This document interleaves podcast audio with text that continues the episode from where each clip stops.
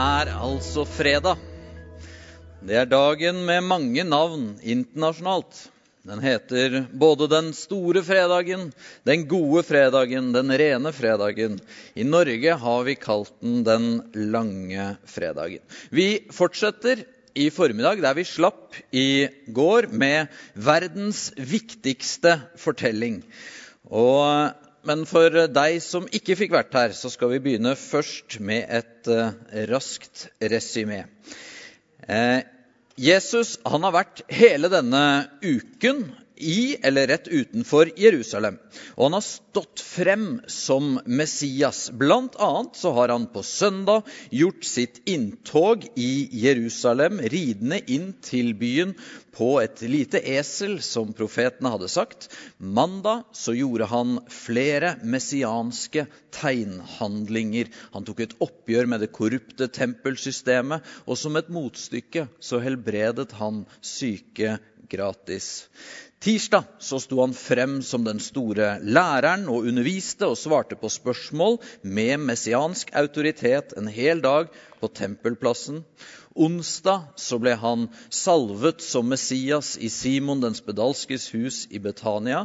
Torsdag i går så feiret han påskemåltid med disiplene sine. Han fulgte den jødiske påskemåltidsliturgien, men avvek ved det tredje vinglasset og innstiftet nattverden som en helt ny pakt og utvidet den gamle pakten folket hadde hatt med Gud gjennom Abraham.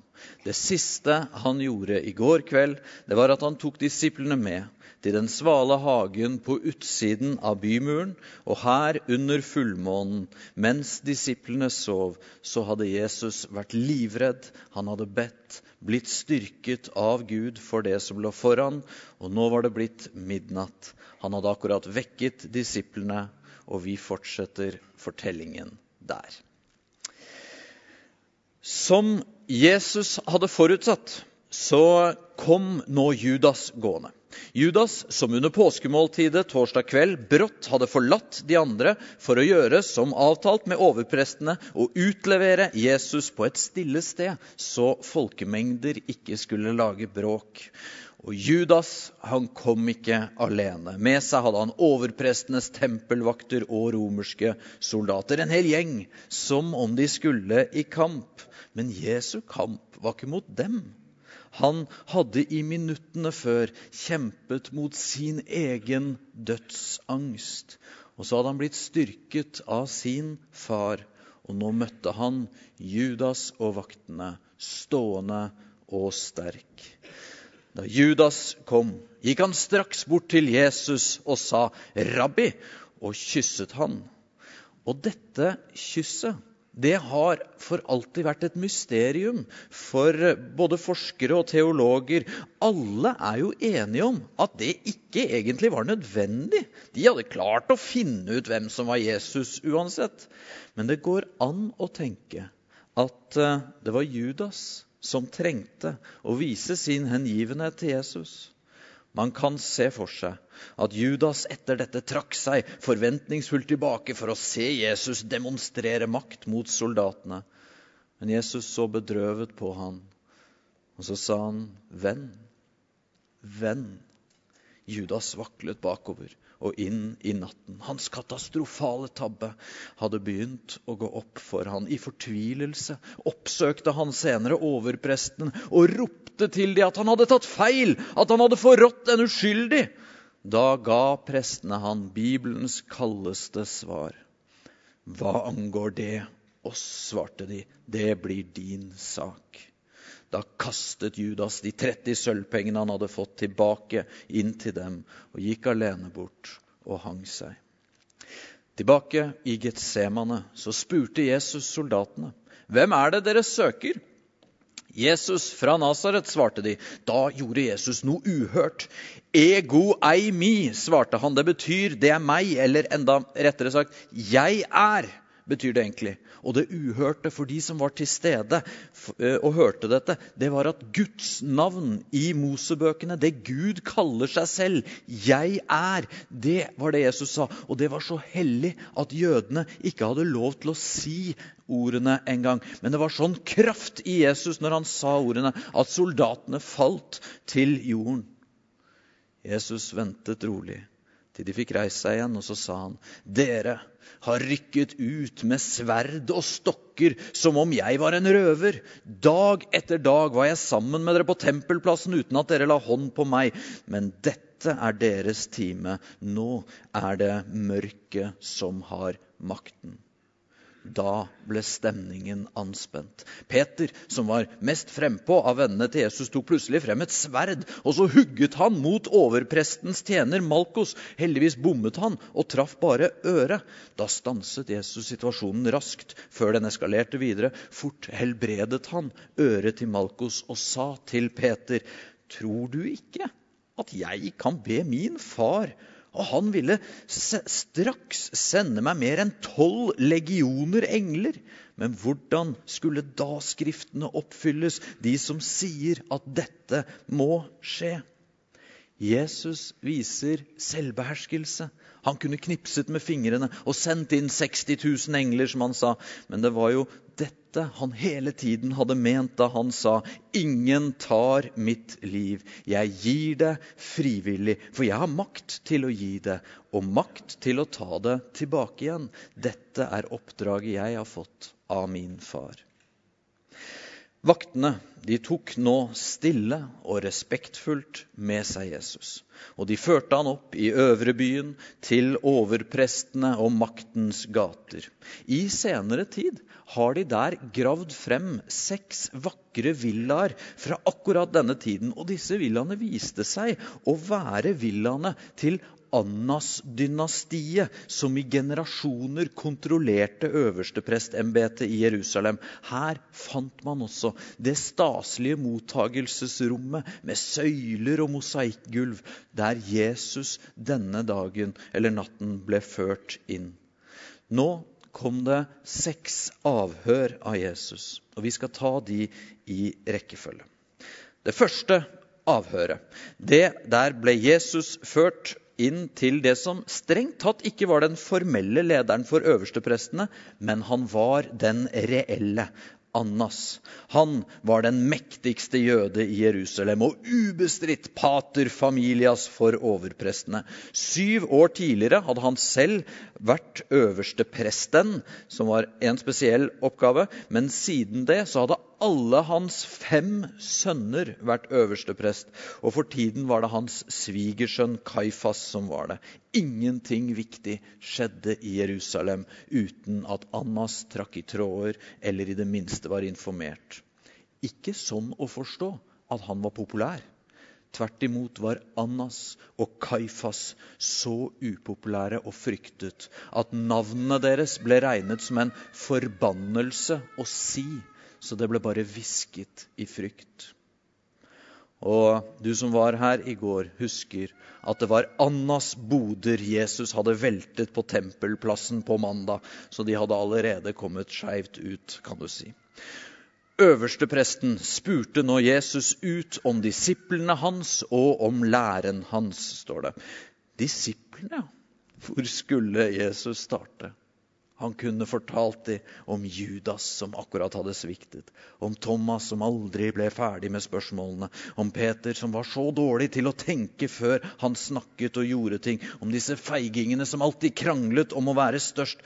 Men hør her, Jesus kunne avslørt alt om de til Annas, men han sa ikke et ord. For sånn er han. Det er ingen som vet mer om deg og meg. Men han vil aldri utlevere oss til noen. Men læren hans, derimot Hvorfor spør du om den, Annas? Jeg har snakket åpent for hvem som helst. Kan du ikke bare spørre noen av de som har hørt meg? En av vaktene til Annas slo Jesus i ansiktet for dette svaret. Men Jesus sa, hvis jeg sa noe galt, så før bevis for det. Men hvis det var sant, hvorfor slår du meg da? Og med det var det første avhøret slutt.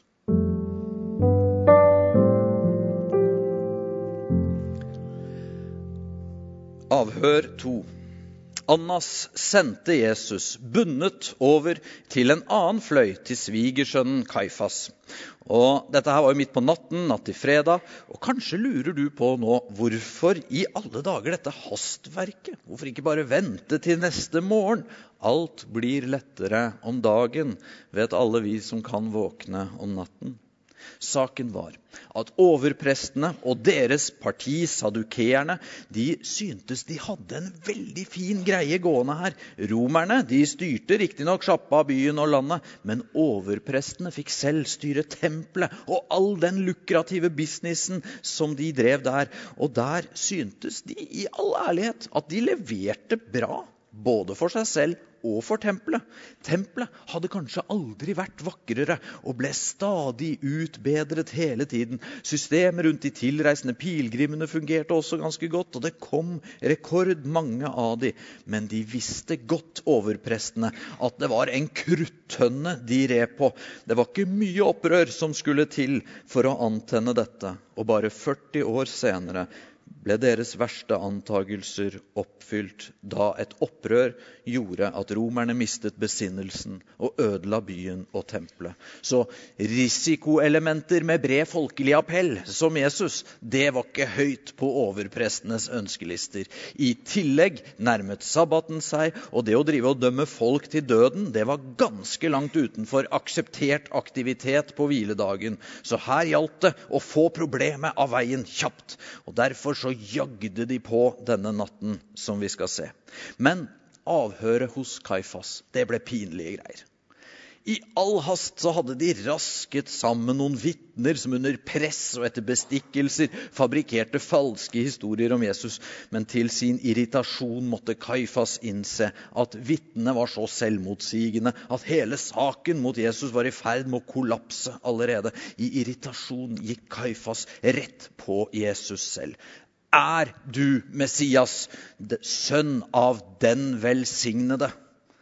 Det var jo dette de ville ha fram. Men legg merke til hvordan religion i sin mest korrupte form kan bli sånn at Kaifas han tok ikke fem øre for falske vitner, trusler og etter hvert skal vi se tortur. Men å uttale Guds navn det var han for respektfull for, så han kaller han den velsignede.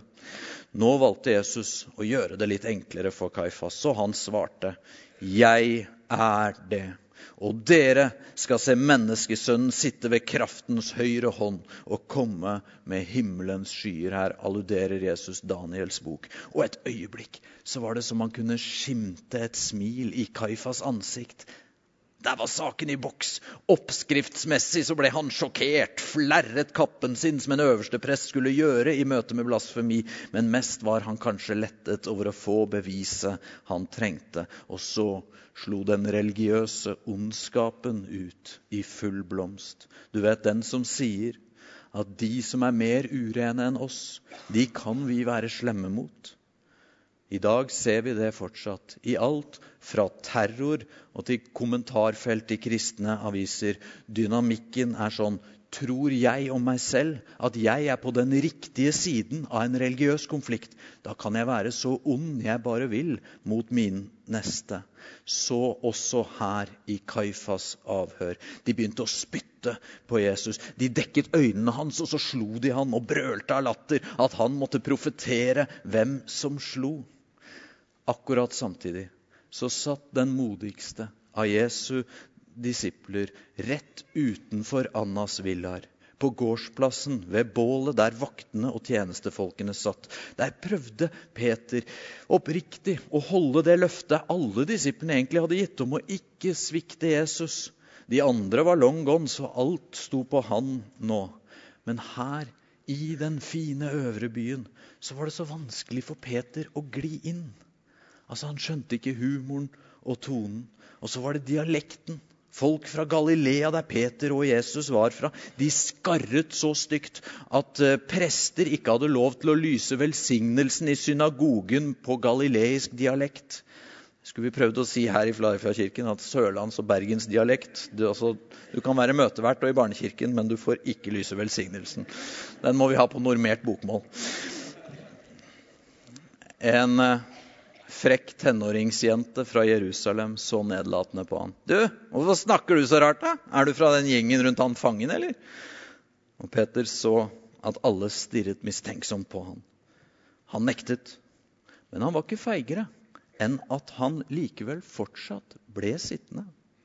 Da kom en annen som kjente igjen Peter fra flokken rundt Jesus. Men igjen nektet Peter tvert. En tredje gang ble han presset på dette, og da brast det for Peter. Han bannet og sverget på at han ikke kjente Jesus. Akkurat da var de ferdige å plage Jesus inne hos Kaifas, og de førte han over gårdsplassen.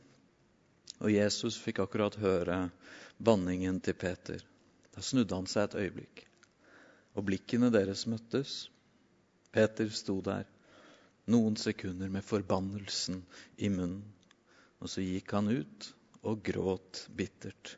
Men husk, Peter gråt fordi han elsket Jesus.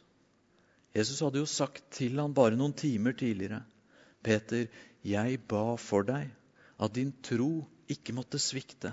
Og når du en gang vender om, da styrk dine brødre. Og Det var akkurat det Peter skulle få gjøre med livet sitt. Han skulle bli den klippen Gud hadde skapt han til å være. Han ble lederen for den første kirken. Han er fortsatt et forbilde for millioner på millioner av kristne.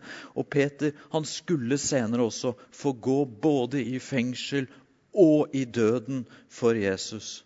Og dersom det stemmer, det de fleste tror, at Markus' evangeliet i Bibelen er Peters egne historier via sin tolk Markus, så kan vi se at Peter langt ifra prøvde å skjule feilene sine når han skulle fortelle. I stedet så brukte Peter historien sin til å si hvor menneskelig det er å drite seg ut, og hvor tynn den veggen kan være mellom Peter som fornektet, og Judas som fornektet forrådte.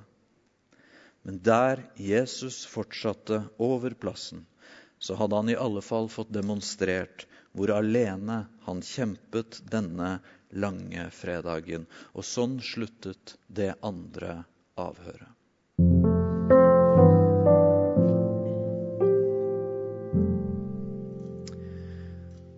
Det hadde nå blitt langt på natt, og nå begynte det å haste for overprestene å få hele denne saken mot Jesus over i et mer formelt spor. Jødenes høye råd det besto av 70 personer pluss øverstepresten. De hadde et rettskollegium på 23 personer, og så var det mulig å sammenkalle bare en enda mindre gruppe, et konsistorium som besto av de ti mest sentrale. Og det er sannsynligvis disse ti som Jesus nå møtte til det tredje forhøret denne natten. De hadde flere formelle utfordringer eller hindringer når de nå skulle gjennomføre avhør. For eksempel, så kunne det aldri være rettsmøte på en sabbat eller festdag. Nå var det til alt overmål påskefesten. Et rettsmøte skulle aldri begynne om natten, og ingen skulle sitte i dommersetet hvis de hadde drukket fire glass vin eller mer. Og det hadde alle sammen gjort, for det var påske. Og nå gikk de likevel rett på sak. Er du Guds sønn? Natten hadde allerede vært lang da Jesus svarte. Dere sier selv jeg er det. Da sa de, hva skal vi nå med vitneutsagn? Vi har jo hørt det fra hans egen munn. Med dette var saken avgjort. Da var det bare å fullføre prosessen. Jesus skulle dømmes til døden. La oss gjøre et lite apropos her til vår egen tid. Alle som har satt seg litt inn i det, tror at Jesus har levd, men ikke alle tror jo at Jesus var Guds sønn. Mange tenker tvert imot at Jesus kun var et godt menneske, og at det Guds sønn-greiene er en myte som har blitt lagt til senere. I så fall vil jeg si at da kan du tenke over at de i særklasse beste kildene til Jesu liv er helt samstemte i at han ble dømt til døden ikke for å være en snill og god person, ikke for å være slem heller, for den sakens skyld. Jesus ble dømt fordi han sa om seg selv at han var Guds sønn. Jeg antyder altså at det kan være litt lettvint å holde fast på en hjemmelagd teori om Jesus dersom de historiske kildene sier noe annet. Alle bør ha et reflektert forhold også til den Jesus de eventuelt ikke tror på. For den virkelige Jesus han ble dømt til døden av det høye råd i Jerusalem. Og mens det fortsatt var natt, var det tredje avhøret over.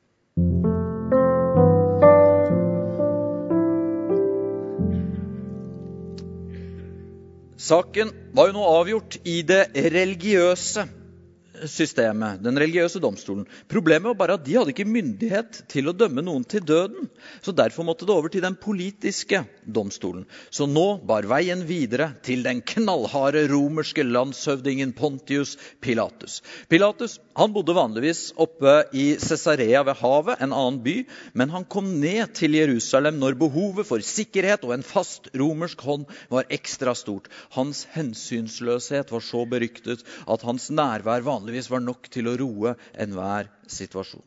Så de tok Jesus med seg fra Kaifas palass til Herodes-palasset, der Pilatus pleide å bo når han var i byen, i hvert fall hvis han hadde med seg kona, som han hadde dette året. Overprestene de var eksperter på å spille sine kort klokt med romerne. Det var deres viktigste asset for makt. Men denne grytidlige morgenen så hadde de litt av en nøtt foran seg.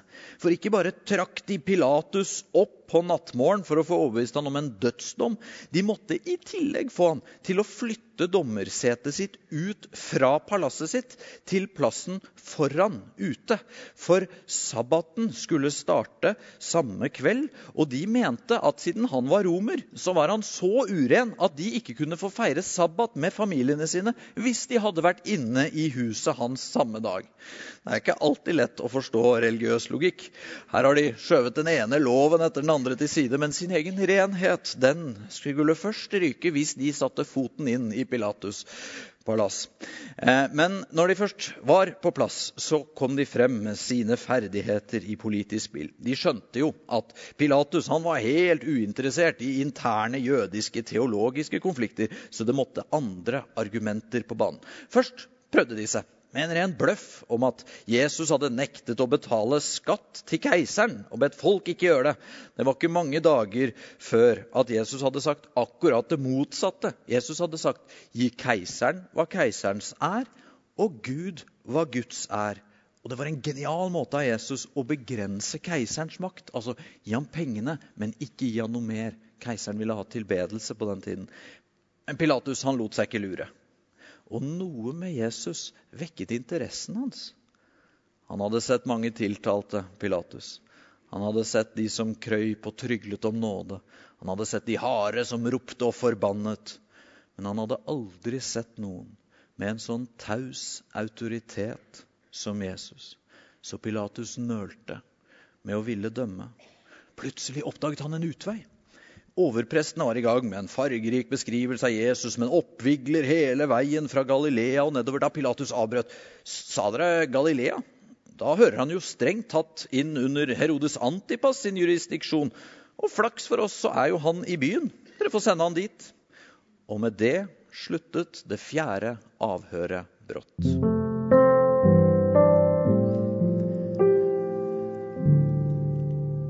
Avhør fem.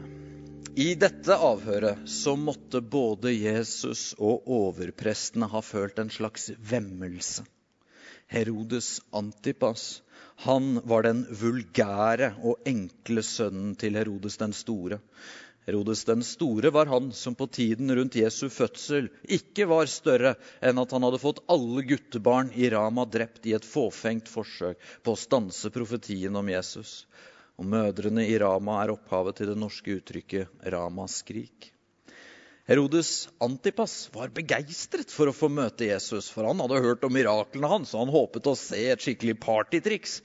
Men eh, Jesus visste godt hvem han sto overfor. Det var bare om én mann Jesus hadde sagt at han er den største født av en kvinne, og det var om døperen Johannes. Og denne fnisende, sminkede kong Herodes som Jesus møtte her, det var den samme som hadde arrestert Johannes. Men ikke bare hadde han arrestert han. Under en fuktig fest i borgen sin hadde Herodes tøffet seg for gjestene og sagt til jenta som akkurat hadde danset så deilig, at hun kunne ønske seg hva hun enn ville. Jenta hadde da, etter råd fra moren sin, ønsket seg døperen Johannes' hode på et fat og Herodes hadde gitt henne akkurat det. Og nå ville han se et mirakel fra Jesus. Han kom med forslag og 'Kan du ikke gjøre meg høyere? Kan du forvandle vannet til vin?' 'Kom igjen da, Jesus!' Det står om hva Jesus sa hos Herodes. Jesus svarte ikke ett ord. Johannes hadde sagt om seg selv at han var stemmen som ropte i ødemarken. Han forberedte veien for Jesus, som var ordet. Og når Herodes hadde drept stemmen, så fikk han ikke høre noe til ordet. Herodes gikk lei. Han satte på Jesus en praktfull kappe og sendte han tilbake til Pilatus. Og sånn sluttet det femte avhøret.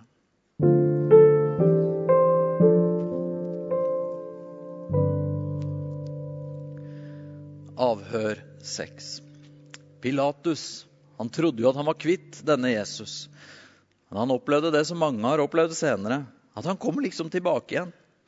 Man var ung og sterk og avviste han men som en journalist og tidligere profilert ateist sa til meg Men så fikk jeg unger, Andreas. Livet kan endre seg. Og plutselig så kan spørsmålene om Jesus komme tilbake. Plutselig sto Jesus igjen foran Pilatus. Og denne gangen så begynte de å snakke sammen. Jesus forklarte Pilatus, denne maktens mann, at kongeriket hans ikke var av denne verden, hvis det hadde vært det, så hadde jo soldatene til Jesus kjempet for han her og nå. Men det fins noe mer, Pilatus. Noe som du aner i de svale kveldene oppe i Cesarea ved havet. Noe du ser i ansiktet på de fattige når det slår deg at de har noe på sin side som du ikke har, Pilatus. Jesus sa, for å vitne om sannheten er jeg født. Derfor er jeg kommet til verden. Hver den som er av sannheten, hører min røst. Og Pilatus skjønte nok av det til å vite at denne mannen var ikke skyldig i overprestenes påstander. Og Da kom det plutselig et brev som hastet og måtte bli levert direkte til Pilatus. Det kom fra kona hans. Hva i alle dager ville hun nå?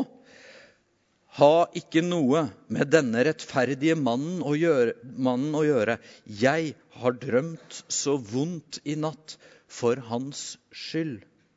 Tenk det. Der disiplene hadde ligget og sovet i Getsemane, så hadde Pilatus' kone våknet. For en merkelig natt dette var. Pilatus sukket. Han visste at de var seige å snu disse overprestene, men han fikk prøve å manøvrere seg til en løsning her. Hans første forsøk ble da å appellere til deres fornuft. Han hentet frem den kjente røveren og morderen Barabas og sa, 'Jeg skal følge skikken om å gi en fange fri i påskehøytiden.' 'Vil dere ha Barabas, eller vil dere ha Jesus?' Og dette valget har forfulgt oss alle siden da.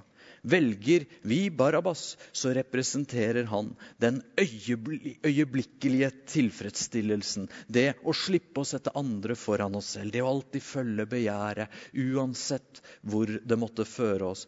Velger vi Jesus, så representerer han alt det gode, men inviterer oss til å dø med han, for gjennom det å finne livet selv.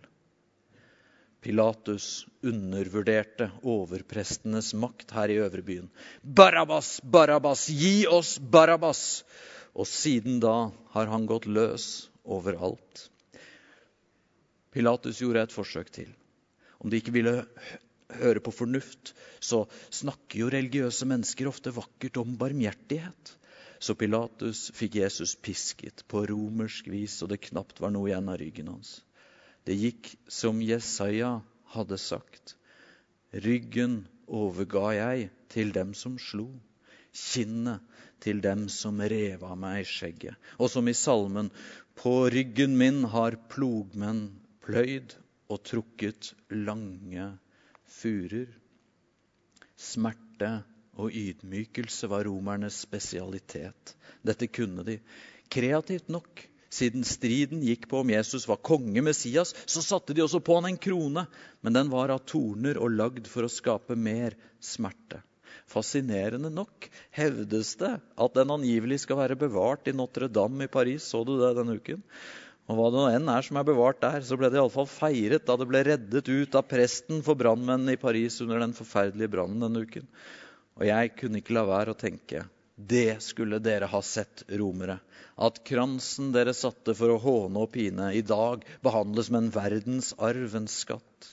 Uansett. Summen av pisking, mishandling og tornekrone tenkte Pilatus ville vekke overprestenes barmhjertighet. Så nå stilte han frem Jesus og utbrøt Se det mennesket! Men da overprestene og vaktmennene fikk se han, ropte de Korsfest! Korsfest! Og da ble tøffingen Pilatus redd. Han tok Jesus med seg inn og spurte han, 'Hvor er du fra egentlig?' Men Jesus svarte ikke. Da ble Pilatus irritert og sa, 'Vet du ikke at jeg har makt til både å gi deg fri og til å korsfeste deg?' Da var det som om Jesus hevet et øyenbryn forundret. Men Pilatus, har du ennå ikke skjønt det? Jesus svarte, 'Du hadde ingen makt over meg dersom den ikke var gitt deg ovenfra. Pilatus, dette er mye større enn deg. Pilatus gjorde et siste forsøk på å sette han fri, men nå bestemte overprestene seg for å ta Pilatus på hans ømmeste punkt. Gir du han fri, er du ikke keiserens venn. Den som gjør seg selv til konge, setter seg opp mot keiseren. Pilatus, som hadde brukt hele sitt liv på å bygge seg opp til landshøvding. Hans viktigste suksesskriterium det var å holde Rom fornøyd.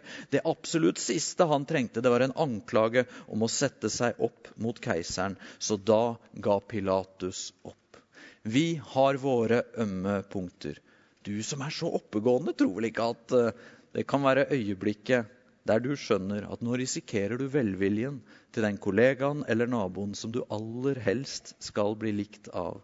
Er det verdt det for Jesus? Da Pilatus så at ingenting nyttet, men at uroen bare økte, så tok Pilatus vann. Og så vasket han hendene mens mengden så på, og så sa han, 'Jeg er uskyldig i denne mannens blod. Dette blir deres sak.' Men det er ikke sånn det funker, Pilatus. Du kan vaske hendene så lenge du vil.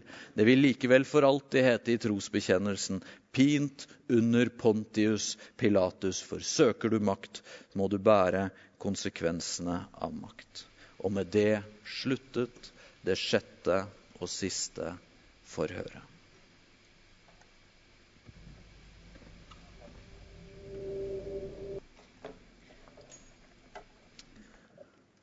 Så var de fremme ved Golgata, utenfor eh, bymuren. For det var ingen som kunne korsfestes innenfor, for da hadde alle innenfor blitt urene, den logikken. Tverrbjelken som Jesus og Simon hadde båret, ble lagt i bakken, og med utstrakte hender ble Jesus spikret fast. Små trestykker av akasietre ble brukt som en type skiver for å holde naglene på naglene for å holde hendene fast på stokken. Da han ble heist opp, satte de bena i knestilling og festet de til hovedbjelken. Det ga kroppen et lite hvilepunkt på korset. Ikke av barmhjertighetsgrunner, nei. Det var for å forlenge dødsprosessen. Men det var ikke bare armene og føttene til Jesus som ble festet på det korset. Paulus skulle skrive senere. Gjeldsbrevet mot oss slettet han, det som var skrevet med lovbud. Han tok det bort fra oss da han naglet det til korset. Jesus ble korsfestet der med to dødsdømte kriminelle, en på hver side. Jesaja hadde jo profetert det fordi han tømte ut sitt liv til døden og ble regnet blant lovbrytere. På bilder, malerier, så er det hengt på Jesus et tøystykke nedentil. Det var nok ikke historisk. Han hang der i naken skam, som vi synger i en av våre sanger. Klærne hans de delte soldatene mellom seg. Men kappen, eller kjortelen, den ble de ikke enige om, så den trakk de lodd om. Lite visste de soldatene, fintfølende som de var der de drev med dette nedenfor korset, mens eieren enda ikke var død, at de oppfylte profetier, de også. Kong David hadde tusen år tidligere sagt de deler klærne mine mellom seg og kaster lodd om kappen. Vanligvis så kunne den dødsdømte henge et døgn eller til og med to før han døde av kvelning, tørst eller rett og slett utmattelse ved at vitale organer sluttet å fungere. Men overprestene hadde jo denne dagen en sabbat å rekke fra solnedgang, så de ville ha en raskere prosess denne formiddagen. Det skulle derfor være over på ca. seks timer. I løpet av disse seks timene så har vi bevart seks utsagn fra Jesus som vi skal gå igjennom nå. Utsagn 1. Bønn for fiender. Av og til så kommer det diskusjoner om eh, hvilke verdier som er spesifikt kristne. Human-Etisk Forbund og kristne kan diskutere om nestekjærlighet er en eksklusiv kristen verdi. Det er det kanskje ikke. Men fiendekjærlighet er vel det hengende på korset, så så Jesus på overprestene og de som hånte han. Og så ba han, Far, tilgi dem, for de vet ikke hva de gjør. Hadde de bare visst, hadde de bare forstått, da hadde de ikke gjort det. Utsagn to. Alle tror at Josef, faren til Jesus på den tiden her, allerede var død. Men Maria, moren hans, hun hadde fulgt med på alt, og vi kan jo bare ane smerten i å se sitt eget barn pisket og korsfestet, sønnen som hun hadde trøstet på fanget sitt når han falt som liten. Nå kunne hun ikke gjøre noe for han i det han gikk gjennom. Kanskje tenkte Maria denne dagen tilbake på den mye lykkeligere dagen da hun og Josef hadde båret åtte dager gamle Jesus frem i tempelet for første gang, da oldingen Simon hadde fått øye på barnet og begynt å profetere over han. Da sa Simon, se, han er satt til fall og oppreisning for mange i Israel og til et tegn som blir motsagt. Ja, også gjennom din egen sjel skal det gå et sverd hadde han sagt til Maria, og det skjedde denne dagen. Men Jesus hadde ikke glemt henne. Så der han hang, så sa han til henne og til Johannes, disippelen sin, 'Kvinne, dette er din sønn.' Og deretter sa han til disippelen, 'Dette er din mor.' Fra den dagen flyttet Maria inn hos Johannes og hadde sånn sett en forsørger og beskytter. For til det siste tok Jesus seg av sine. Utsagn tre å inkludere en kriminell. Den ene kriminelle som hang ved siden av, ble, ble med på spotten rundt fra mobben.